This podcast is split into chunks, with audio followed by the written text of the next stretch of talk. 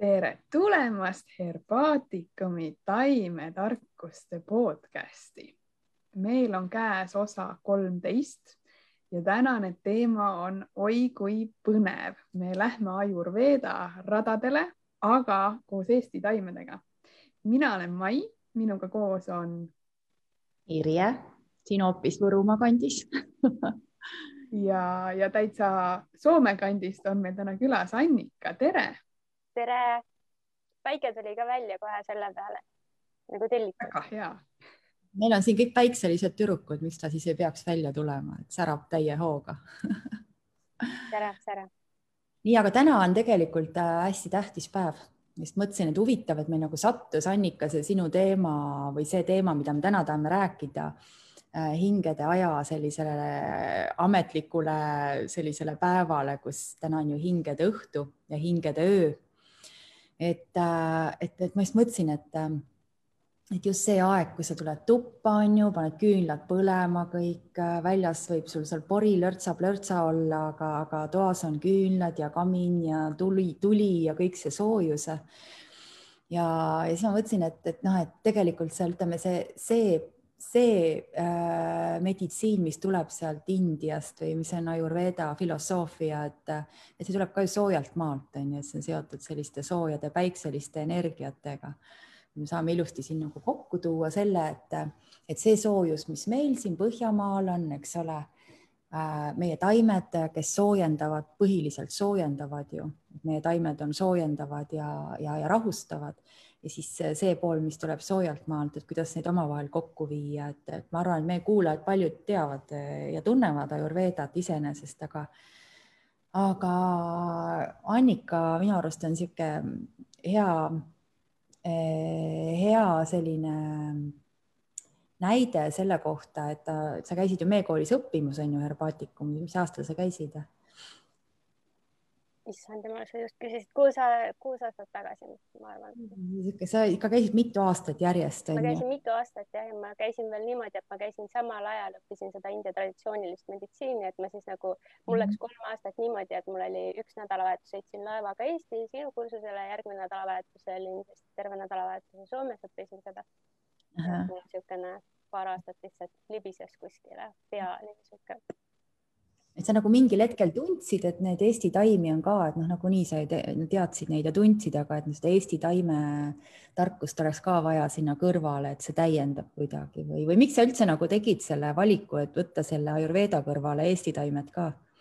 See on tegelikult hästi naljakas, sa käisid mind unes kutsumas mingi pool aastat järjest. Ja siis ma mõtlesin, et ma ei saa seda eirata, ise mõtlesin, et okei okay,, ma olen kolm korda sedasama unenägu enam-vähem järjest näinud, kus sa erineval moel näitad mulle igasuguseid taime, siis mõtlesin, et hea küll, kui sa ühe korra veel tuled, et, et siis ma panen ennast sinna kursusele kirja. Ja niimoodi siis tegelikult kirjutasin ka siis äh, kui ma taotlesin sinna kursusele, et, et sa oled käinud mind kogu aeg kutsumas ja ma pean tulema lihtsalt. aga samas nagu ja mind on kogu aeg huvitanud see, et äh, ei ole ainult nagu, et äh, Ayurveda annab mulle selle süsteemi nagu, et mismoodi neid kõiki asju vaadelda ja siis, et mismoodi seesama süsteem tõsta ümber nagu meie taimedesse, et kuidas, kuidas see nagu muutub loogiliseks, sest et reaalselt ei ole ju võimalik kogu aeg igale ühele inimesel käia siis mööda metsa ringi ja kogu aeg tunnetada, et mis mul parasjagu vaja on, sest et äh, suurem enamus, mina, mina nagu olen käinud rohkem toitumise peale üle läinud, siis need, need asjad, mis on nagu minu oskamise alased või tuli täiesti black out eesti sõnad et, et, et siis, et kuidas need kaks siis ära ühendada ja see, sellepärast ma käisin nagu mõlemad samal ajal, et mõista seda nagu paremini ja siis need seosed olid nagu hästi huvitavad mm. -hmm aga kuidas need seosed selles mõttes tekkisid, et kui sa käisid korraga, see oli kindlasti intensiivne periood, kas oli pigem nii, et sa käisid, õppisid teooria ära ja siis hakkasid praktiseerima ja tulidki tegelikult need seosed või sul tõesti tulidki seosed kohe, kui sa õppisid ja olid selle kõige keskel? Noh, ütleme niimoodi, et ma õppisin nagu ikkagi kliinilist meditsiini selles mõttes, Ayurvedas on nagu äh, see, süsteem, mismoodi seda mõista kõik, et jah, see on nagu holistiline, seal kõik, kõik on nagu üks terves universumis, ei ole mingit sellist asja nende jaoks, et ma ravin ühte haigust, et nüüd on ainult üks sümptom ja ravin seda, vaid et äh, kõik elutu ja, ja elus on nagu üks, et, et selles mõttes äh, noh siis meil jällegi suhtutakse niimoodi, ma lähen onju arsti juurde, öeldakse, et sul on see viga nüüd teil ja kõikidel on täpselt samasugune tablett. reedes seda ei ole, onju, me kõik oleme eraldi omaette isiksused ja seal on siis süsteem, mille järgi sa mõistad selle, et kellele mida parasjagu vaja on aga et see, et me ei saa alati vedada kõiki neid taimesid siia, mis seal on, et ku, kuidas siis leida see, mis nagu meil aitaks paremini sinna süsteemi elada nende asjadega, mis meil on olemas. Et kas see, kas see nagu, kas see on nagu noh, mõlemat pidi, et üks asi on see, et sa nagu võtad, noh, ma tean, et näiteks Hiina raviarstid otsivad meil neid võimalusi, kuidas neid samu taimi, mis seal ütleme Hiina raviretseptides on ja kuidas neid meil kasvatada, noh, sest paljud ju kasvavad meil, need krüsanteemid ja poengid, et on täiesti nagu kasv, meil nagunii aedades kasvavad need. Äh, või see on niimoodi, et, et näiteks, et sa võtad mingi alternatiivi näiteks, et seal noh, ütleme, et ingverit seal äh, asendab seal noh, mingisugune kalmus või midagi muu, et et kas, kas nagu saab teha niimoodi, et sa võtad mingi alternatiivi Eesti loodusest või on niimoodi, et sa nagu lihtsalt nagu tood selle taime siia kasvama või kasutad siin kasvavaid taimi? noh, sa saad, sa saad kasutada siin kasvavaid taimi küll jah, tema ajurveedas nagu äh, eelistatakse seda, mis on, on ju looduslikult mahedalt kasvatatud kõik, et, et kõikvõimalik, mis seal on, aga kui sa ei saa seda, siis, siis loomulikult sul ei jää midagi muud üle, et aegade algusest saadik käidi siis abi otsimas igalt poolt mujalt, et tuua need taimed just, et mis aitaks, et see sõltub nii väga sellest, et mis sellel inimesel päriselt viga on, et, et just nimelt need samasugused sümptomid, aga minule see aitab ja sinule see ei aita, sest mhm. et mm -hmm. tänasel päeval me teame, et see metaboolika kehas on väga erinev inimestel aga sealt, äh, see ei ole tegelikult, tegelikult ei ole nii, et see tuleb soojalt maalt ja nii erinev, sest et India on nii suur ja lai ja see, mismoodi seda on õpetatud, see on nagu väga, see on ikkagi selles mõttes on arstiteadus, see ei ole, see ei ole mingi niisugune kuskilt äh, suurem osa sellest teadmisest kanaldati, aga see, mismoodi see on nagu välja täna, tänase päeva teadus on juba leidnud sellele, et issand, viis tuhat aastat tagasi teati, aga täna me suudame tõestada, et nii see on. et äh, need Äh, teadmised nagu ei ole nii keeruline tuua meie tänasesse päeva siia soe mm -hmm. nagu selles mõttes, et kas soe või külm, nagu sellel otseselt ei ole vahet, nendel on ka igasugust kliimat seal. Ja vaata, see on nagu selles mõttes loomulik, et noh, minu arust on ka see ka täiesti loomulik, et, et inimesed ongi oma ainevahetuse, oma, oma psüühikaga, kõik on hästi erinevad, noh, ei ole ju sarnast, on ju ja ometi sa lähed äh, meil kuskile meditsiiniasutusse ja sulle noh, sulle vaadatakse ainult seda haiget organit ja antakse sulle põhimõtteliselt täpselt sama asi tuhandetele inimestele, täpselt seesama põhimõtteliselt üks ravim, mis peab sul nagu siis nagu noh, see, see ei ole minu arust ei ole loogikat, et see üldse nagu kuidagi saaks terveks sind teha, et ta saab siin mingil moel noh, säästa su kannatusi või ta saab mingil moel nagu lükata edasi seda või peita su ära eest või kannatusi natuke leebemaks teha. ta ei saa terveks ravida, sellepärast inimene ongi, igaüks on täiesti omaette komplekt, et et selles suhtes noh, sealt see, see teadmine, mis tuleb, on minu jaoks nagu palju loogilisem, et et noh, minu arust nagu siin on ka aeg ikkagi vaadata selle poole, et, et me ei ole kõik täpselt ühest august välja tulnud, et kõik august küll, aga kõik on erinevad augud, nii et et, et see geneetika ja kõik see taust ja meie olemus ja, ja, ja kõik see nagu, et noh, ma tean, et seal Ayurvedas on hästi nagu oluline see, et, et kas see taim on soojendav või jahutav või, või milliseid maitseid ta siis esindab, on ju ja millised elemendid need, millised kõik asjad koosnevad teatud elemendid, elementidest, et seal on õhk, eeter, vesi. see on suht samasugune nagu Hiina meditsiin, millega vist Eestis on inimesed rohkem tuttavad kui Ayurvedaga tegelikult. aga see on nagu, seda on kergem mõista ja taimede puhul siis nagu kõikides nendes taimedes on teatud omadused, aga see, mismoodi ta on nagu erinev, on see, et, et noh, sa võid tunnetada ka, mis sellel taimel on, mõnel taime puhul on see väga kerge, et sa võtad piparmünti ja tajud nagu väga kiiresti, et see on jahutav, eks. hetkel praegust, kui me hakkame äh,, parasjagu on läinud jahedaks, juhtub niisugune väga külm ja tuuline päev ja sa niisugust mõnusat tugevat piparmünti võtad, siis sul on ikka päris külm nagu ja eriti veel siis, kui see tuuleelement tasakaalust ära on siis, siis on seda nagu kerge testida, aga ülejäänud taimedel, taimedel ei ole ju ainult äh, see üks omadus, et ma mõjun ainult ühtemoodi. Ja see, mida nad õudselt hästi oskavad, on see, et kuidas tasakaalustada erinevatel taimedel siis, et ma panen selle kaks, kolm, neli, viis, kuus taime sinna juurde, mismoodi ma nende miinuse plussideks muudan, et ta muutuks sulle nagu terviklikuks ja kompaktseks ravimiks mm. -hmm. aga mõtlen, mul on üks hea küsimus, et aga kus see, ma mõtlen seda, et kuskohast see teadmine nagu tuleb, et vot see taim nüüd on äh, kas siis äh, soojendav või jahutav, et kas see tuleb nagu äh, mingisugustest taime omadustest, koostisest või, või, või toimest inimesele, et kus, et kuskohast see, see info tuleb, sest ma tean, et ütleme, kui ma vaatan bio, biodünaamilist taimekasvatust, et seal on ka, et iga taim nagu allub mingile planeedile, et selle kuldpeeperi järgi. et äh, aga, aga, aga see teadmine praegu paigutada, paigutada neid taimi planeedide alla on kuidagi nagu hääbunud või kaduma läinud, et me kasutame seda teadmist, mis kunagi nagu kuskil keegi on välja töötanud, tegelenud, aga näiteks me võtame mingi uue taime, et siis on väga raske teda kuskile paigutada. et, et mille järgi näiteks, et noh, et, et, et, et näiteks, et mille järgi me võtame näiteks mingi Eesti taime, noh näiteks võtame, võtame siin linnurohu näiteks, on ju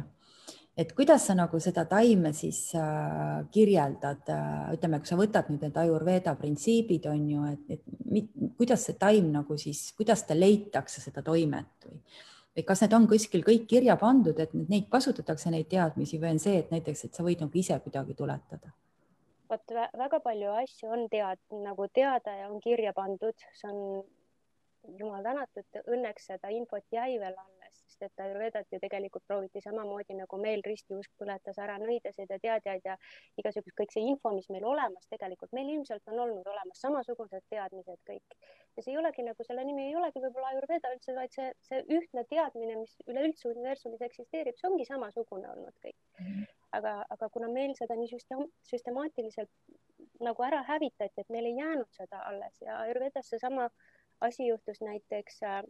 mitmeid tuhandeid aastaid tagasi oli selline juhus, kus äh, nendel olid hästi tugevad ülikoolid nagu kõrgemate teadmiste, seal olid astroloogid, matemaatikud, kõik asjad oli, Nalandas oli selline ülikool äh, ja türk, türklased, kui tungisid sisse, seal oli üks türklaste pealik. Ja hästi kurioosne on see, et see pealik proovis Ayurveda hävitada ära sellepärast, et tema oma arstid ja nõunikud ei suutnud seda parandada, aga keegi, kes andis talle nõu, et näed, et Ayurveda arst, et nüüd ei jää midagi muud, et sul läheb ainult tõsisemaks see asi, et äh, sealt me saaksime abi. Ja tuli siis selle Nalanda ülikooli äh, direktor ja ütles, et, et sul ei ole vaja nagu rohtusid, et sul on vaja sellest sinu oma Koraanist lugeda mingid teatud äh, lehed, et sul on see hingeline probleem, mis tekitab sulle selle füüsilise häda. mm ja temale see hinge ei mahtunud, ta saigi terveks sellest ja ta proovis ära hävitada kõik, ta tegi selle maatasa, terve selle ülikooli, pani põlema selle raamatukogu ja seal ülikoolis oli siis sellel ajal üle kümne tuhande õpilase, õpetajaid oli mitu tuhat ja need kõik olid nagu oma alu parimad, et sinna ei pääsenud mitte keegi muu. ja, ja, ja see raamatukogu, mis põlema pandi, see põles ühte jutti kolm kuud. nii palju oli seda teadmist kõike nagu, et see, mis need mõned raamatud, mida need mungad siis proovisid ära päästa või kuskile peideti ära kuskile koobastesse asjadesse, see, mida meie tänasel päeval teame, on nagu väike liivaterakene, et neid on olnud meeletult kõikidest asjadest. et äh, aga õnneks ikkagi on väga paljudest asjadest ja taimedest on olemas. Ja seal samamoodi äh, kõik, kes oskasid, Ayurvedas ju loetakse pulsist, eks, et mismoodi, mis su kehas parasjagu siis tasakaalust ära on ja, ja nendel inimestel siis põhimõtteliselt raiuti käed maha, et nad ei võiks seda edasi teha, et ei oleks keegi, kes oleks targem kui siis seesama see mhm. usuteema nagu, et. et liiga lähedale hakati jõudma nendele Li,. liiga lähedale ja see oli ülikool, kust läks üle, üle maailma, Hiina Äh, siis see, mismoodi see info on säilinud, on tänu sellele, et Hiina meditsiinis siis need, kes käisid seal ülikoolis õppimas Ayurveda selles ja nemad äh, olid siis kirjutanud üles neid igasuguseid asju, nii et nad on väga lähedalt seotud teineteisega. ühesõnaga, et on olemas seda teadmist, aga ikkagi on nagu võimalik, siis praegu noh, kui me mõtleme meie taimede peale, et näiteks need meie taimi paigutada sinna nende kuidagi noh, sinna nendesse. süsteemi sisse on võimalik selles mõttes, et kui me võtame, on ju, et, et äh, kolm peamist omadust on ju, mis me, mis me lihtsalt teame, mis me võime niisama väliselt näha, on ju, et kuna meie peame natukese nüüd ise tunnetama hakkama lihtsalt, et okei okay,, et mis me paneme tähele, et mis loom seda sööb, äh, mismoodi see talle mõjus, milline ta sellel hetkel välja nägi või ma ei tea, mis, mis parasjagu, milline aastaaeg oli, et mida ta sellega ravib, miks ta seda sööb nagu inimesena samamoodi, siis inimene osad asjad on nagu täiesti selged, et mida sa tunnetad, et ütleme, et mõni asi, mis on hapu, näiteks mul on praegu tassis ebapidaania tee, praegust on äh, äh, Ayurveda järgi vata aastaaeg ehk siis äh, tuul ja selline ebastabiilne kõik, et see energia tahab kergesti paigast ära minna. samas äh, siis meil on vaja midagi soojendavat. ebaküdoonia maitse on hapu, selle järgi me teame, et temal on see soojendav omadus enda sees olemas et sellised maitseomadused, nende järgi saab siis osa, osa asju nagu klassifitseerida sellest mm. -hmm. aga meie taimed on vähekese sellised, et suurem enamus on kergelt ki kibedad, kergelt mõrkjad, seal on niimoodi, et enam, rohkem ja vähem kuivatavad, et eestlasel on hästi palju tegelikult vaja nagu õlisid nagu rohkem, kus oleks nagu rasva ja õli ja siis me oleme kuidagi endasse tõmbud ja kergesti tekib selline, et neid kuivasid asju on palju rohkem, et ei ole nii palju. kuivatavad siis äh, selles suhtes need taimed või? paljud taimed on ja kuivatavad meil kahjuks, aga see on just selle maitsega nõnda ja et meil on nagu noh, ongi noh, meil ei ole nagu erilisi vürtse ka ju, need on siuksed natuke. just nimelt me ütleme, et rohumaitsega on ju. rohumaitsega ja, ja mõrkjad ja mõrkjas nagu kuivatab rohkem ja see ongi hästi paljudel eestlastel on see probleem, et see, et see organismis kuivatab liiga palju kõike ära, et me peaksime kõikidele asjadele siis segama juurde mingit asja, mis annab magusust, mitte et me sööks nüüd, paneme tee sisse mett, mis Ayurveda järgi, kui sa, kui see on üle kolmekümne kaheksa kraadi, siis see muutub mürgiseks, ei panda kunagi sooja asja sisse mett mm. -hmm et keha nagu seda ei talu, aga küll aga kasutatakse teistmoodi, et ütleme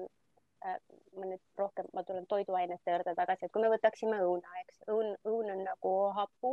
äh,, ta on mõnes mõttes karge ja kui sa teda toorelt sööd, siis ta tekitab ikkagi kehas on ju gaase. aga kui sa ta nüüd ära hautad ja paned sinna roosuhkrut juurde ja kasvõi ütleme rosinaid, siis oled tasakaalustanud teda juba magusaga, siis sul on puudu ainult rasvaine veel.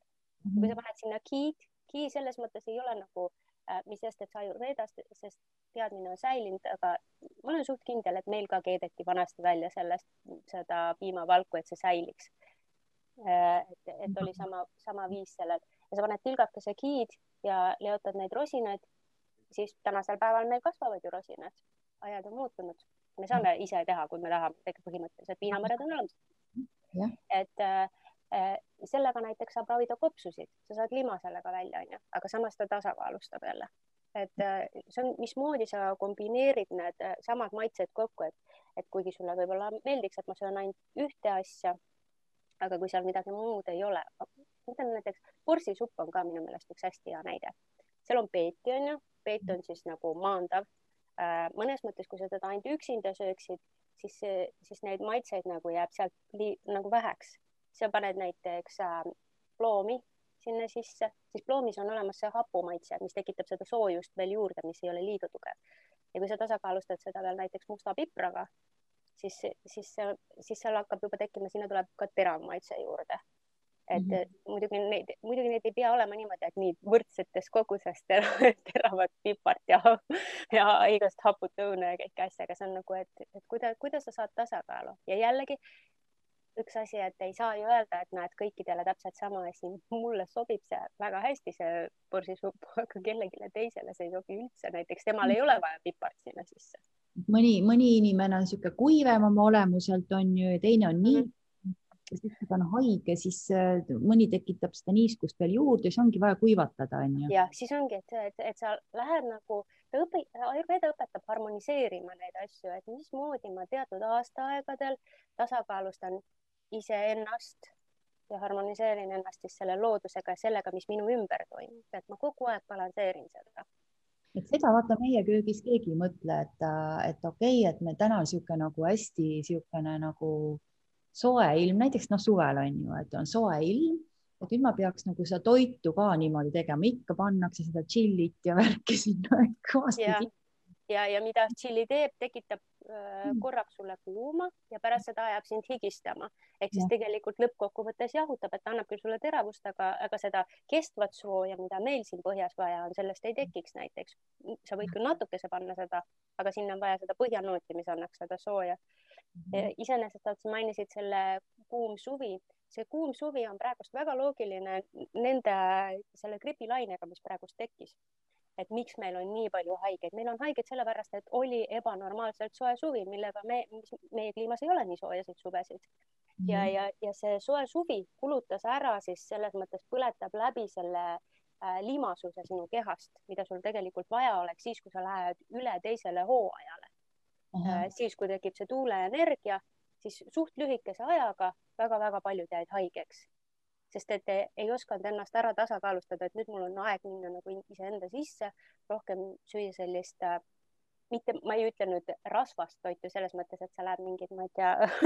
kuskile friikartuleid sööma. Et, et, et ikkagi nagu, et neid häid rasvasid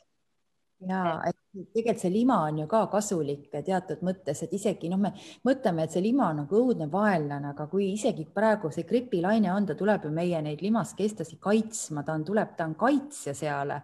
et sellepärast kunagi ma mäletan, keegi õpetas, et, et kui sul on nohu ja see ei ole nagu väga hull, et ära, ära nuuska seda lima nagu täiesti välja, et las natuke jääb ninna.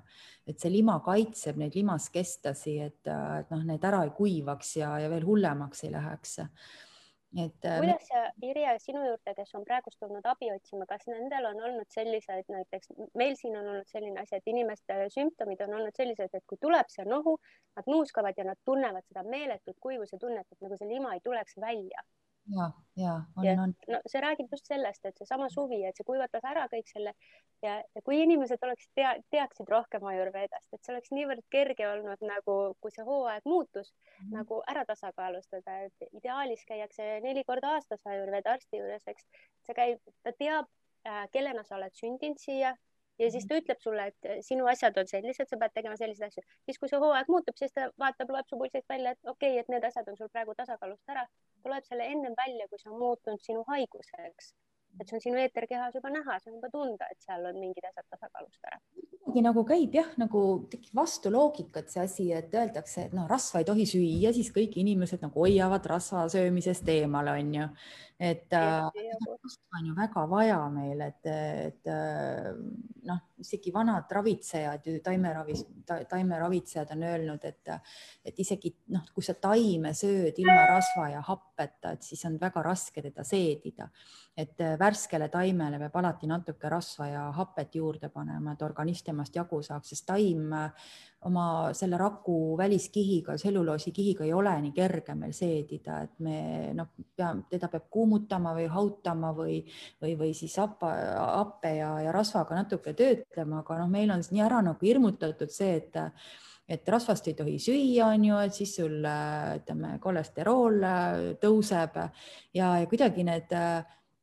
juhised kõik nagu tervise jaoks on nii nagu sellised nagu noh, nad ei arvesta üldse inimeste omapära ja seda, et meil aastaajad vahelduvad ja pannakse nagu ühe tambiga kogu aeg ja siis ongi nii, nagu sa rääkisid, on ju, et, et tegelikult see lima, noh, seda on meil vaja seal ülemineku, kui aasta läheb teisele aastaajale üle, et siis seda meil tegelikult ei ole ja me nagu ei oska, keegi ei ütle meile, et meil oleks vaja seda juurde, et noh, söö nüüd, võta taimeõli, on ju, häid õlisi ja kasuta neid et, äh, et noh, et kuidagi jah, see hästi nagu, hästi nagu minu arust nagu loogikavastane on, on see, mis siin Põhjamaades toimub, et me nagu seda enam peaks nagu ennast hoidma, et meil on see kliimamuutused on nii erinevad aasta jooksul. Ja Ayurvedas, et see, kellena sa oled nagu sündinud, mõjutab ka seda, et milliseid ravimeid sa saad nagu kasutada, et osade, osades asjades ongi vaja, et just nimelt, et ütleme, et see rasv on siis see auto, mis sõidab sul selle ravimi nagu õigesse kohta, et see on segatud näiteks brahmid äh,, siis on šatavari äh, kasutatakse, on naisteravim, sellel on omad nagu, mis on segatud kokku kihiga. et on täiesti, et, et mõned asjad ei olegi, et ilma rasvata sa ei saa seda kasu sellest kätte sellisena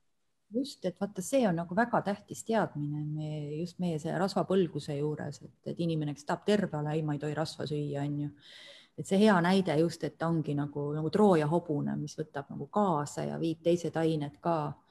ka kohale. ja mõnikord see on mesi näiteks, ütleme, et kui me võtame äh, äh, see Chavanprassi, kui sa kasutad, seal on siis on ju kolmekümne viiest kuni kuuekümne viie erineva taimeni sees erineva seemne ja muu asja ja pulbri ja, ja, ja see põhiaine siis on mesi, mis selle viib organismi õigesse kohta. sest noh, magus on ka meile ju hästi nagu vastuvõetav, et me ju ütleme, rinnapiim on juba magus, et magus alati nagu organism võtab magus hästi-hästi vastu ja sinna siis sisse panna neid asju, mis siis organismis peaksid kuidagi nagu selle magusaga kaasa minema. jälle väga-väga kaval nipp ja teine asi, mida meil ei tehta veel, on see, et äh, meil ei ole väga palju selliseid äh, erinevaid ravimise viise nagu Ayurvedas on, et okei okay,, me teame, on ju, et on tuleelemendi inimene, et tema võib-olla ei peaks nii palju teena jooma neid asju, et temal oleks võib-olla teistmoodi vaja siis, aga äh, seal siis on selliseid näiteks, et hingad tossuna endale sisse. meil on olnud ju, meil on varem olnud see, aga meil ei ole lihtsalt enam teadmist, et milliseid taimi põletada, et selle inimesel teatud asju ravida äh, kas see siis noh, tee on ju suhteliselt tavaline, aga samamoodi võib ka olla näiteks, et sa hõõrud higemetesse mingit pulbrit mm -hmm. või, või siis on nina kaudu, ninasse õlisid. või vett, et vett saab vedelikku saab ju ka läbi nina sisse tõmmata. ja, aga seal on nagu õli ka nagu, et see on segatud õli sisse ja sa paned nagu ninalimaskestade peale selle ja selle kaudu näiteks hästi tõhus allergiaravim on selline. -hmm et äh, neid on hästi-hästi-hästi mitmeid, on äh, nagu massaažid, näiteks äh, see Ayurveda massaažid on sellised, need on erinevate taimedega ja nad ei ole mitte kuivad, vaid just need on immutatud õli sisse, aga meil seda väga ei ole, meil ei, meil ei ole lihtsalt neid taimesid ja teadmisi enam, et mida taime panna ja mismoodi need kokku segada siis nagu retseptid mm. -hmm. et see on, see on väga laialdane jah aga meil on eh, ülipopp on ju ingver ja kurkum. kuidas nendega lood on, kas, ehm, kas me kasutame neid üldse õigesti siin oma kliimas või peaks me hoopis midagi eestimaist võtma? noh, sellega on ka niimoodi, et mida tahes liiga palju on halb et kõik asjad tuleb ära tasakaalustada mingit moodi, aga praegust, kui on selline Äh, läks just hooaegvahetus, on ju, nüüd on sügis.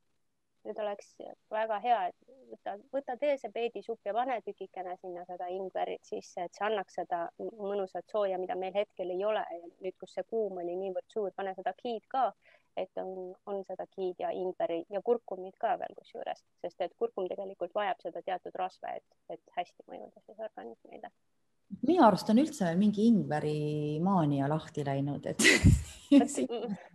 mulle see kunagi absoluutselt ei meeldinud, aga nüüd, kus ma ise jäin haigeks, siis see oli ainukene kord, kus ma tõesti ise sellest olen abi saanud. minu jaoks on ta liiga tugev, minus on, minu kehas on liiga palju tuld nagu selle jaoks, et minule, minule ta muidu ei sobi. aga sellel korral sain meega koos kasutada peakski nagu inimesed ju mõtlema ka selle peale, et, et kui nad ise on tulised, on ju, et nad on seal pita, pita tüüpi ju siuksed, noh mm -hmm., palju seda tuld, et siis nad panevad selle ingveriga tuld juurde veel vürtsi. Ja, ja inimesed ei noh, et mitte nad ei, ei võta nagu nii, et noh, aeg-ajalt nad joovad nagu talv otsa seda ingverit ja, ja, ja kuidagi nagu mulle tundub, et nad arvavad, et see on nagu niisugune pääste päästerelv, aga, aga samas noh, kui me võtame seda, et ingver tegelikult tuleb enamasti meil Hiinast ja tuleb väga mürgisest keskkonnast, kemikaalidega kasvatatud, väetatud. ta on äärmiselt mürgine tegelikult, kui me ei võta mahedat ingverit. ja, ja tegelikult ma olen ise proovinud ja katsetanud ka, et kui sa võtad selle tavalise poe ingveri, siis suured juurikad nagu rabarberi juured on ju, et võtad selle, selle, selle ingveri teed äh, temast siis tõmmise, võtad siis selle maheda ingver, mis on niisugused pisikesed junnid on ju, täiesti erineva maitsega tee mm. -hmm. täiesti erineva maitsega tee, see maheingver ongi mahedam. ta ei ole selline, ta ei, ta ei kõrveta, minul on näiteks niimoodi, organism tõukab äh, tagasi, et kui ma joon seda ingveri teed, siis ma uh, niimoodi nagu tuleb kohe välja, et ma hakkan luksuma ja mul organism lihtsalt nagu ei lase teda sisse aga ma, kui ma vahest olen proovinud seda mahedat ingverit, siis ei teki niisugust reaktsiooni et aga äh, siin me jõuame jälle selleni, et äh, tegelikult Ayurvedas ei jooda lihtsalt ingveri teed, sinna ikka pannakse asju juurde, et sa võtad pisikese viilu seda ingverit äh, ja siis sa paned sinna juurde, sa paned näiteks lagritsa juurepulbrit. meil ju kasvab tegelikult Venemaal on oma lagrits, meil kasvaks väga hästi lagrits, kui inimesed tahaks oma aeda kasvama panna seda vene lagritsat. Mhm. Äh, sa paned lagritsat, see toob magusust ja samas see võtab seda tuld ka kehas maha nagu, et jah, sa saad küll selle sooja, mida sul on vaja, aga ta samas reguleerib, et seda ei oleks nagu liiga palju. et, et saab seda sinna juurde panna ja siis sõltuvalt sellest, et mis tüüpi inimene sa oled, kui sa oled kahva tüüpi inimene, kellel siis seda lima ja niiskust on kehas palju, tema saab natukese rohkem seda ingverit panna ja tema võib panna ka endale näiteks nelki, mis on samamoodi selline soojendav ja nagu vürtsikas mm. -hmm. et aga, aga niisugune üldine, mis kõiki kolme tasakaalustab, kolme tüüpi on kardemon näiteks, kardemoniterad, seda meil kahjuks ei kasva ja ma ei, ma ei, ma ei, ma ei tea, mille muuga nagu meie asjas seda nagu tasakaalustada, aga lihtsalt, et võta meie taimed, võta, võta hauta need õunad, pane seda kardemoni juurde, aga mitte seda Santa Maria kardemoni, vaid seda looduslikku kardemoni, mis müüakse selliste teradena või tähendab selliste kuprate sees on sellised. ja seda nagu jahvatas, jahvatad ära äh, no sa võid teha nii ka, et sa lööd ainult selle korraks puruks selle kukra ja siis sa paned hauduma selle sisse, et sa ei pea seda tera ära sööma. ja maitse kätte ja ei pea sööma. ja see näiteks mõjuks õudselt hästi meie mustikaga, praegust on äh, mustikas mõnes mõttes nagu jahutab keha, aga ta ka, ta ka tasakaalustab palju aga mitte ainult üksinda süües, üksinda süües ta on ikkagi, tal on seda haput maitset palju ja sinna on vaja samamoodi, et sa paned seda tumedat roosuhkrut, sa paneksid natukese lagritsapulbrit, sest see annab seda magusust sinna juurde. Äh,. roosuhkur on jälle teistmoodi, ta on niisugune toitev äh,, jah, toitev. Äh, ja siis sa paneksid seda kardemoni, tuleb ju täitsa meie glögi maitse sellele asjale ja et sa hautad nagu selleks, see võib vabalt olla su hommikusöök, sa sööd marjasid. näiteks Ayurvedas üldse ei sööda selliseid tugevaid hommikusööke, nagu meil süüakse. et see ei ole päeva kõige tähtsam eine, vaid kõige tähtsam eine on siis, kui sinu seedetõli on kõige tugevam ja see on keskpäeval ja meie kella järgi see on siis kuskil umbes kella ühe paiku mm. -hmm. aga ma mõtlen seda, et, et tegelikult äh, oh, jälle lipsas ära, hakkasin kärbseid vaatama hakkama. oota, aga ma ütlen veel sellest ingverist seda, et äh, jah, sedasi nagu meil tehakse seda, et äh, pigistatakse seda mahla, et inimesed joovad seda liitrite kaupa ja selline kui sa maohaavasid endale ei taha nagu, see on nagu, sa pead ikka miskit moodi seda tasakaalustama. ma tahtsin seda öelda, et, et vaata, et ma olen siin ka ju koolitustel rääkinud, et väga hästi see kardemon äh, sobib, sobib kokku tammetõrudega et kui teha tammetõru kohvi, on ju, et sa võtad need tammetõrud, äh, jahvatad nad ära, kuivatad ära ja siis teed sellest kohvi, paned sinna kardemoni ja kaneeli juurde natuke, et siis see jube hästi täiendab nagu seda maitset. ja, ja see on nagu nii hea maitsega, et tõesti niisugune joodav, noh, palju ei tohi juua muidugi, sest ta natukene nagu noh, aga samas on jälle see, et kui tammetõru veidi nagu ta on kõhuviiruste puhul ja kõht on lahti et ta natuke nagu kinnistab seda kõhtu, siis kaneel ja kardemon ju tegelikult tasakaalustavad teda, et need äh, minu arust ergutavad seedimist. kuule, aga kas sa oled proovinud seda niimoodi, vaata, sina oled tuleinimene, sul on palju tuld, sulle see tammetõru tee kindlasti sobib, on ju, kuskil kesktalvel. tegelikult täiesti. ma usun, et sinul on päris palju seda tuld ka ikka siis ma olin vata täielik vata no see on, äh, vaata, üks asi on see, kellena sa sünnid siia, ilma mis asjad sa kaasa said, mis sul kõige kergemini tasakaalust ära lähevad. teine asi on jällegi see, et millises keskkonnas me oleme, mida me teeme, mis asi meid ümbritseb äh, ja mis siis on tänu selle mõjule tasakaalust ära läinud. ja tavaliselt hakatakse tasakaalustama esmajärjekorras siis seda, sellepärast et seal sa oled, see on, see on vaja kõigepealt tasakaalu saada, et sa pääseksid siis sinna, mis, mis sa muidu oled mm. -hmm aga sellel tammetõru selle mõrkja maitsega, mul on üks lemmikutest on ju sigur. Mm. sigur muidu ka kuivatab iseenesest, aga nüüd, kui me võtaksime, et mismoodi sa sellise mõrkja asja, mis kehast muidu neid limaaineid välja viib, sigur viib välja mm. -hmm. sa teed mingi asjaga selle magusaks, aga kui sa näiteks keedaksid piima, siis sa paned seda sigurit sinna sisse ja, ja kardemoni siis see, see mõju muutub hoopis teistsuguseks, seal on ikkagi, piim on ääretult toitev tegelikult Äh, ja, ja Ayurvedas tehakse piimaga niimoodi, et kui, kui on inimene, kes piima ei seedi hästi, nagu meil kõik on nüüd laktoositalumatud mm, -hmm. et ma ise naersin kunagi, ma alustasin Ayurveda koolis, siis mulle õpetaja ütles, sulle sobib piim, jah oota, mm. kuni sa õpid need kõik asjad ära, saad süüa piima ka ja nisu ja kõike saad süüa, midagi ei ole häda. mina mõtlesin, muidugi, et ma praegust joon klaasi piima, sest terve klass koriseb siin, et kohe kindlalt ma ei saa. Ja, ja siis äh, hiljem siis ta ütles, et, tegelikult on nii, et sa pead äh, piima laskma, kui sul on see mahepiim, mis on siis, on ikka, kas eesti keeles öeldakse homo, homogeniseerimata või? jah. jah äh,, siis sa lased kolm korda selle keema, siis see aitab lagundada siis seda mm, -hmm. neid osasid. Äh, toorpiim on meil poes. toorpiim jah, et äh, sa siis, siis sa ei mõju kehale enam samamoodi, aga sa pead laskma just kolm korda, ta peab tõusma keema ja siis sa paned need maitseained sinna sisse ja sa paned sellele oma kohvile siis nagu juurde, et äh, kui see on, kui siguri kohvi, ma ei, ma ei tea, võib-olla see isegi toimiks sellesama Tammetoru kohviga, miks mitte, sest siis piim on magus, on ju, seal on olemas seda limasust, seal on olemas ka rasva, kui sa õige piima võtad mm. -hmm. ja, ja, ja näiteks kardemonid ja muud asjad, kardemon oma olemuselt on, on ju pisut õline. et. aga samas kammetõru iseenesest, kui teda ära, ta kuivatada ära, ta on magus. Ta ei ole mõru enam et ta läheb magusaks. aga need, need maitsed, mismoodi see sinu kehasse magusmaitse mõjub, see ei ole nagu üks-ühele, et magus ei ole magus, näiteks ütleme, et meie kehasse, kui sa sööd riisi, siis riis kõigepealt ei pruugi olla niivõrd magus, aga see, mismoodi see mõju on, on ju, ta tekitab ikkagi lima kehas mingil määral. et, et see on natuke see naljakas, et samamoodi nagu see, et hapu tekitab sooja on ju kehas. et okay aga noh, meie juured, et meil on ju ka selliseid kasutatavaid juuri, et inimesed noh, kasutavad neid vähe, aga võtame seal takjajuur on magus, eks ole, siis noh, kalmus on selline. miinus on sellele, et takjajuur on jälle kuivatav, tal on palju parkaineid. jah, jah. sa pead Park... tasakaalustama seda millegagi. parkaineid ju sees, et meie juurtel ongi neid parke, võililejuurel on ka parkaineid ju palju sees. jah et see ei olegi selles mõttes miinus, aga siis sa pead leidma nagu, et kuidas sa saad seda rasva kehasse, kui need parkained viivad need asjad minema, et, et Ayurvedas on niimoodi, et kui mingid asjad on ju, mis viivad kehast, peavad šlakke ära viima, ta viib selle ära, aga ütleme, et ma olen vata tüüpi inimene, kellel on palju nagu tuuleenergiat kehas, siis ta viib minu seest nagu veel rohkem neid asju ära, mul ei jäägi piisavalt, mul liigesed hakkavad praksuma, onju, sa kuuled nagu ragisevad, siis sul on vaja seda rasva juurde tagasi millegiga. rasvaseid juuri meil väga nagu ei ole vist. ma ei teagi, et meil oleks mingeid väga rasvaseid äh,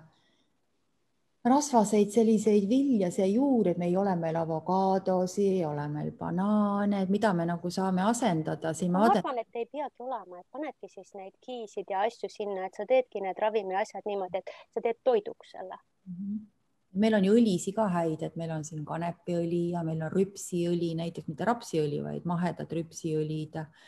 ja, ja sellised asjad, et, äh, et noh, oma õlisi on ka küllalt ju tegelikult Eestis olemas, et võtadki siis mingi ja oliiviõli või. Äh, jah, oliiviõli on ju pita tüüpi inimene, siis kasutatakse oliiviõli siis key äh, sobib põhimõtteliselt kõikidele, aga lihtsalt kogus vaheldub, et kellele, kui palju ja mida sa sinna sisse siis paned. et sa ütle korra, korra nagu lühidalt ära, et võib-olla, võib-olla on meie kuulajatel mõni inimene, kes ei tea, mis key on, et me siin räägime kõik nagu. Key on ise... siis äh, meie mõistes selitatud või aga see on sellise väikse kiiksuga, et meie mõistes jälle selitatud või tähendab seda, et me laseme korraks keema ja siis ongi kõik, et kallame lihtsalt rasva pealt ära, aga seda keedetakse nii kaua, kuni see piimaproteiin läheb siis tüki ja vajub põhja ja siis see äh, rasv, mis sealt jääb, siis selle piimarasv, äh, see on põhimõtteliselt valmis siis, kui tal, tal tuleb hoopis teine hääl ja kergelt pähkline lõhn juurde, siis ta on valmis. siis sealt valatakse midagi ära või? see, see, see piima proteiin, mis on põhja vainud, siis jääb sealt nagu välja, see on nagu siis. Äh, pealt valatakse ära siis ja, ja. ja õli valad pealt ära ja siis see, see jääb tavaliselt. mõned mm. korjavad pealt, aga osad Ayurveda äh, spetsialistid ütlevad, et siis läheb ka osa sellest elu essentsist sellega ka, ka nagu kaotsi, et kui sa seda pealt koorima hakkad, et hästi-hästi oluline on see, et just, et et elu essents on sul teatud määral, kui sa siia ilma sünnid ja kui sa seda kogu aeg kulutad ja juurde ei tee, siis ühel hetkel ongi kõik, sul ei ole nagu midagi alles mm -hmm. enam, mida kulutada mm. -hmm. ühesõnaga, see on niisugune nagu, et inimeste seest jääb niisugune nagu keedetud, kaua keedetud või et teda ikka keedetakse tükk aega ju? teda keedetakse tükk aega ja Eestis on ju Pajumäe talude ja ääretult head giid äh, ja nendel on tõesti, neil on nagu need lehmad söövad kah päriselt, äh, saavad heina süüa, et ei ole, et see on väga-väga hinnatud, et Soome tuuakse ka siis seda Pajumäe giid ja vot täitsa nagu Eestis äh, tehtud ja, ja täitsa Eesti lehmadelt tulnud. täitsa Eesti lehmadelt et, et selles suhtes ei ole ta enam ka laktoosi talumatutele vist enam kahjulik, on ju? täiesti nagu saab kasutada, seda saab toitudele panna, et noh, mõni võib-olla vaatab poes, et on küll purgi peale kirjutatud, et näed mingi gi, aga no ta, ta ei kirjutata gi, on ju, ta kirjutatakse yeah.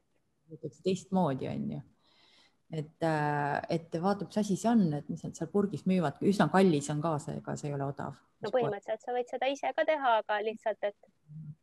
et, äh, et see on, nemad teevad seda nagu tõeliselt heast piimast ja asjast, et kui sa võid toorpiimast teha seda ise ka, et see ei ole ju probleem. ja, ja samas on see, et muideks seda ei saa ainult süüa, sa saab kosmeetikumina ka kasutada, et sa võid igasuguseid külve teha. Ki, ki põhjas, et, äh, et ongi, et mitte sul ei ole õli ja seal mingid muud rasvad, vaid sul ongi ki, et, et selle salvi gi,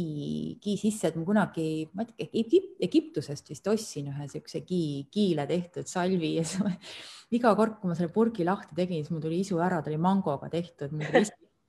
ja seda, et tahtsin lusikaga, et määriks peale ja sööks sisse ka. nagu vanaema pannkoogid onju aga ka see kõik tundub nii põnev ja natukene ka keeruline, ma arvan,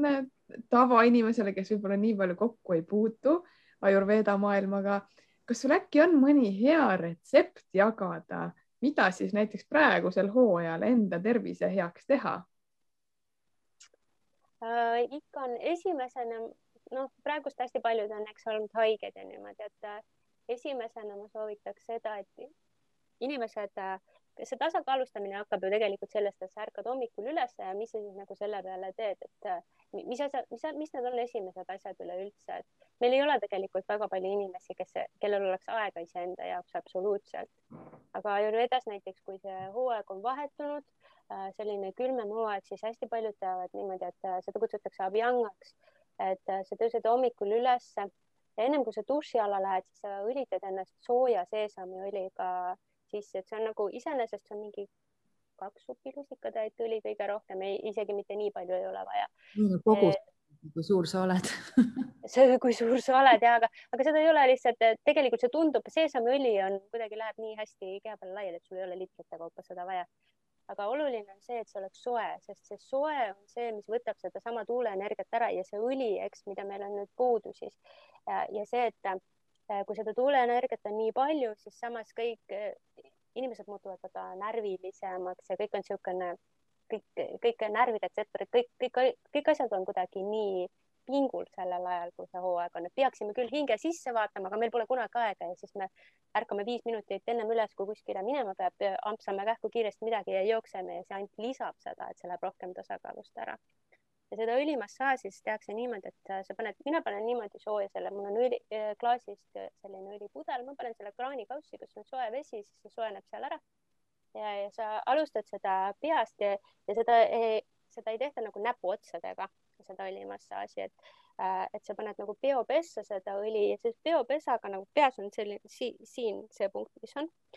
siis sa teed natuke, sa ei pea tervet pead ära õlitama endale, aga selle koha vähemalt, selle ja siis äh, siit külgede pealt, näo nagu kõrvad ja, ja siis äh, terve keha ja kõik need kohad, mis on sellised sirged, need lähevad nii, niipidi äh, masseerides ja kõik, kus on liigesed, nii siis päripäeva ringid. ja, ja kuigi see tundub, et see võtab kaua aega, see ei, see ei võta sul, kui see on kaks minutit ja sa oled terve keha ära õlitanud, siis samal ajal sa võid pesta näiteks hambad ära ja siis sa lähed duši alla et äh, hea oleks, et see õli oleks äh, kuskil kümme minutit sul vähemalt peal. et äh, ennem kui sa duši alla lähed, sellel seesamiõlil on võime imeda nagu mürkaineid meie kehast välja. Ja samas nagu maandada seda keha. Ja meil jääb hästi palju sellest maandusest puudu. et selleks on ääretult oluline. Ja kui sa duši all ära käid, sa võid ennast seebiga pesta, aga tea, su, su keha jääb nagu selline mõnus, ta ei ole liiga õline pärast seda et aga kõik ikkagi neid, mis sa oled, mis sul on vaja olnud, seda sa oled nagu saanud sellest. ja teine asi on see, et, et siis, kui on nagu hammaste pesemine on ka väga oluline Ayurvedas, sellepärast et kõik need mürgid, mis kogunevad siis äh, öö jooksul, äh, on vaja ära puhastada ja tegelikult kasutatakse Ayurvedas on sügishooajaks on hoopis teistsugune hambapasta näiteks nagu suveks või mingine muu, et, et äh, sügise hambapasta võib sisaldada lagritsat, siis seal on pisut münti äh, ja mandli, mandlikoore pulbrit vist oli. mingi asi oli veel, mul ei tule nüüd meelde et, et need ei olegi sellised, noh, see on puhas taimne asi, seesama taim annab sulle energia, kui sa hõõrud seda enda igemetest ja, ja selle, selle seesami õlitilgaga siis nagu loputatakse suu ka, et kaks minutit kuskil. kuidas see eesti keeles on? Loksutad, loksutad suus seda lihtsalt ja, ja sülitad selle siis välja. Äh, ja see on juba andnud selle mõju, et ta imeb samamoodi sul nagu organismist välja seda, su keele peal on olemas ju kõik punktid. Ja siis peale seda kasutatakse sellist, on selline keelekraabits, ma ei tea, kas paistab siit ja ja siis sa tõmbad keele sellega üle. Ja, ja see on hästi huvitav sellepärast, et äh, see katt, mis sul on öö jooksul kogunenud sinna seal on samamoodi kõik need bakterid, mis on kasvanud, keele peal on kõik need punktid, Ayurvedas loetakse keele pealt, et mis inimesel viga on, et, et see on üks osa sellest, et ma näen, mis su kehas toimub äh,. selle kattu, kui sa sealt ära võtad, võib tekkida selline oksarefleks. see oksarefleks iseenesest on õudselt hea, sest meie oleme sellised, me ei ütle kõiki asju välja, mis vaja on ja kui sul on mingi kurbuse tunne või mingi asi tekib äh,, jääb kinni su kehasse, siis see puhastab su kurgutšakrat ka, et tundub küll, et ebameeldiv ja töökima ajab aga tegelikkuses need, kes on niisugused hästi kurvameelsed ja asjad on halvasti, nad peaksidki puhastama väga hoolikalt seda keelt igal hommikul. et sa ei pea muidugi kraapima nüüd niimoodi, et sul terve keelenahk maas mõned korrad piisab. aga see süsteemsus selle juures on hästi oluline. et see hommikurutiin, et mõni jõuab joogat teha veel, väga hea oleks, et jõuaksid teha päikesetervituse või kuutervituse, kui sa oled väga pita inimene aga kui ei jõua, siis vähemalt see, et sa oled ennast nagu õlitad ja pesnud, nagu sa, see annab nii palju sellest juurde. ja siis äh, toidus, seda ma ütlesin, et Ayurvedas ei ole, hommikusöök ei ole see kõige tähtsam toit. et äh, hommikusöök on pigem midagi kergemat, mitte et sa nüüd näljasena kuskile läheks, aga nüüd, kui on selline kuiv hooaeg, et siis sa ei näri mingeid, ma ei tea, riisikalette või mingeid selliseid asju, mis tõstab veelgi seda tuuleenergiat kõrgemale, vaid äh, pigem, et nüüd ongi aeg, et aga me, me tegelikult Põhjamaades tegelikult sööme väga palju niimoodi, et me tunneme, et meil on putru vaja järsku siis, kui jõuame kuskile. aga mida me ei oska teha, on see, et me ei pane putru peale piisavalt maitseaineid, et seal pudrus peab olema see või sees või siis sama, noh, see ghee oleks ideaalne, aga et ja et kui ikkagi see toitev piim või mingine asi, mis nagu annab seda, mis toidab meie kudesid, et ei ole ainult see üks asi, et nüüd on ainult mingi soolaga keedetud Herkula puder ja muud mitte midagi. et kõik, kõiki maitseid peab sealt ikkagi leiduma. et pane sinna kardemoni sisse, pane sinna õuna natukese, mingeid siukseid asju või riivide õunasid äh,. mida veel võiks panna? kaneeli mina panen alati. kaneeli just nimelt, sa paned Ceyloni kaneeli või paned seda tavalist kaneeli on, mul on alles veel, kui Sri Lankal käisin, siis ma tõin hulga kaneeli, mul on seda veel alles, panen seda. jah, et kaneeli ja, ja miks mitte. ma arvan, et inimesed on natukese skeptilised selle kardemoni suhtes, sest et meil kõikidel on nagu arusaam sellest, et oh, see kaneelisaim või mis see kardemoni et meil on kuskil saias ja olnud suured terad ja need on nagu liiga tugeva maitsega inimeste jaoks. aga kui sa paned pudruga sisse keetes selle ühe kupra või kaks-kolm kuprat ja, ja need terad sinna laiali ei lähe, siis see on nagu väga meeldiva ja maheda maitsega. et see on hoopis midagi muud, selle taime energia on juba läinud sinna pudru sisse ja siis samas, et seda haput maitset saada, näiteks meie oma marjadega ei panda nagu külmutatud marjasid, vaid sa pead keetma need läbi, et selle energia oleks samamoodi muutunud et selles mõttes need moosid on iseenesest väga head, öeldakse, et miks mul seda moosi vaja on, aga meil on vaja neid moose mm. -hmm. et sa võid ju parema suhkruga ka selle teha mm. -hmm. ja siis ütleme näiteks, et kui lõuna või mõni muu asi, et mida siis sellele, tõesti tehke neid äh, peetidega suppe, meil on, meil kasvavad hästi juurikad hetkel. see on kuidagi niisugune, neid on, neid kasutatakse liiga vähe, et neid ei pea alati krõpsuks praadima või muudest asjadest, rohkem siuksed hautised, kus on, asjad on läbi hautatud, mõnusad. kõik asjad on potis sõbraks saanud, paned rohkem sinna maitseid juurde, et kui on, tunned, et vajad seda ingverit, pane sinna seda ingverit juurde, aga sa võid ka väga hästi äh, panna mädarõigast, on soojendav. et, et selliseid, aga ja suppe igasuguseid, aga äh, muidugi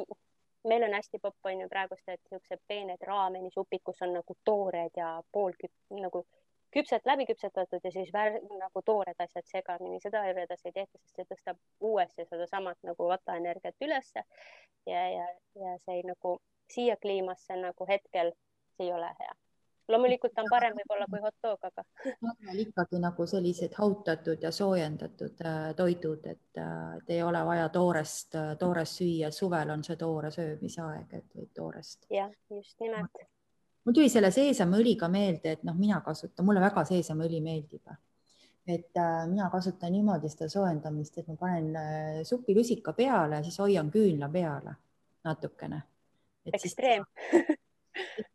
ta natuke nagu soojendab seda ülesse, siis on hea, sa valad peo peale ja siis hõõrud laiali mm. -hmm mõned teevad niimoodi ka, et sa võtad nagu kohvitassi ja siis on niisugune väikene pudel ja siis, kui seal kohvitassis on näiteks kuum vesi, siis hoiad selle väikse pudeliga seal ja siis mm -hmm. sellised need minipudelid, et nendega saab no,. viimase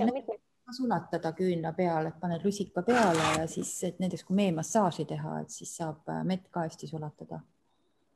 parasjagu ja miks mitte, et e-, erinevaid neid asju on, aga jah, see on, vaata nüüd on ka, et ma räägin sellest toidust, et äh, see on niisugune üldine, et praegust jah, peaksime soosima rohkem selliseid asju, mis on nagu soojendavad ja hautatud ja läbi küpsetatud ja, ja kui inimesed, need inimesed, kes söövad liha, siis nüüd on hea aeg süüa liha. eriti, aga siis peab panema selliseid maitseaineid juurde lihtsalt, et see liha seediks paremini organismis mm -hmm. või, või munasid, et suvel jälle see on nagu raskem veedida selles suhtes mm. -hmm. aga kui nüüd keegi kuulab või vaatab ja tahakski eh, tulla sinu konsultatsioonile, kas siis virtuaalselt või füüsiliselt, kuidas ta kõige paremini sinuga kontakti võiks saada või kas sa üldse võtad vastu inimesi? Äh, võtan küll virtuaalselt, siis tõenäoliselt Zoomi kaudu on vist kõige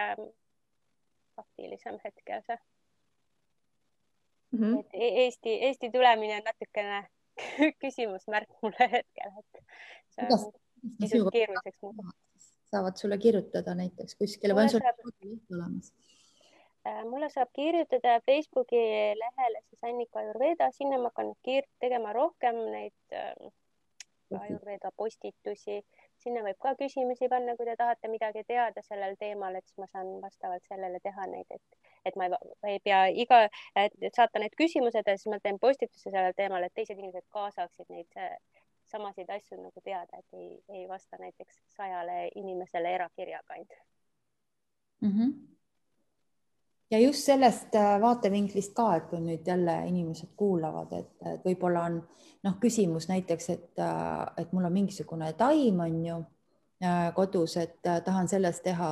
noh, mingisugust tõmmist või teed, kuidas ma seda siis tasakaalustaksin, seda taime on ju. et saab, siis sa võid natuke nagu mõtiskleda sellel teemal ja, ja, ja anda. võib, võib küll jah idee poolest muidugi selles mõttes sellistes,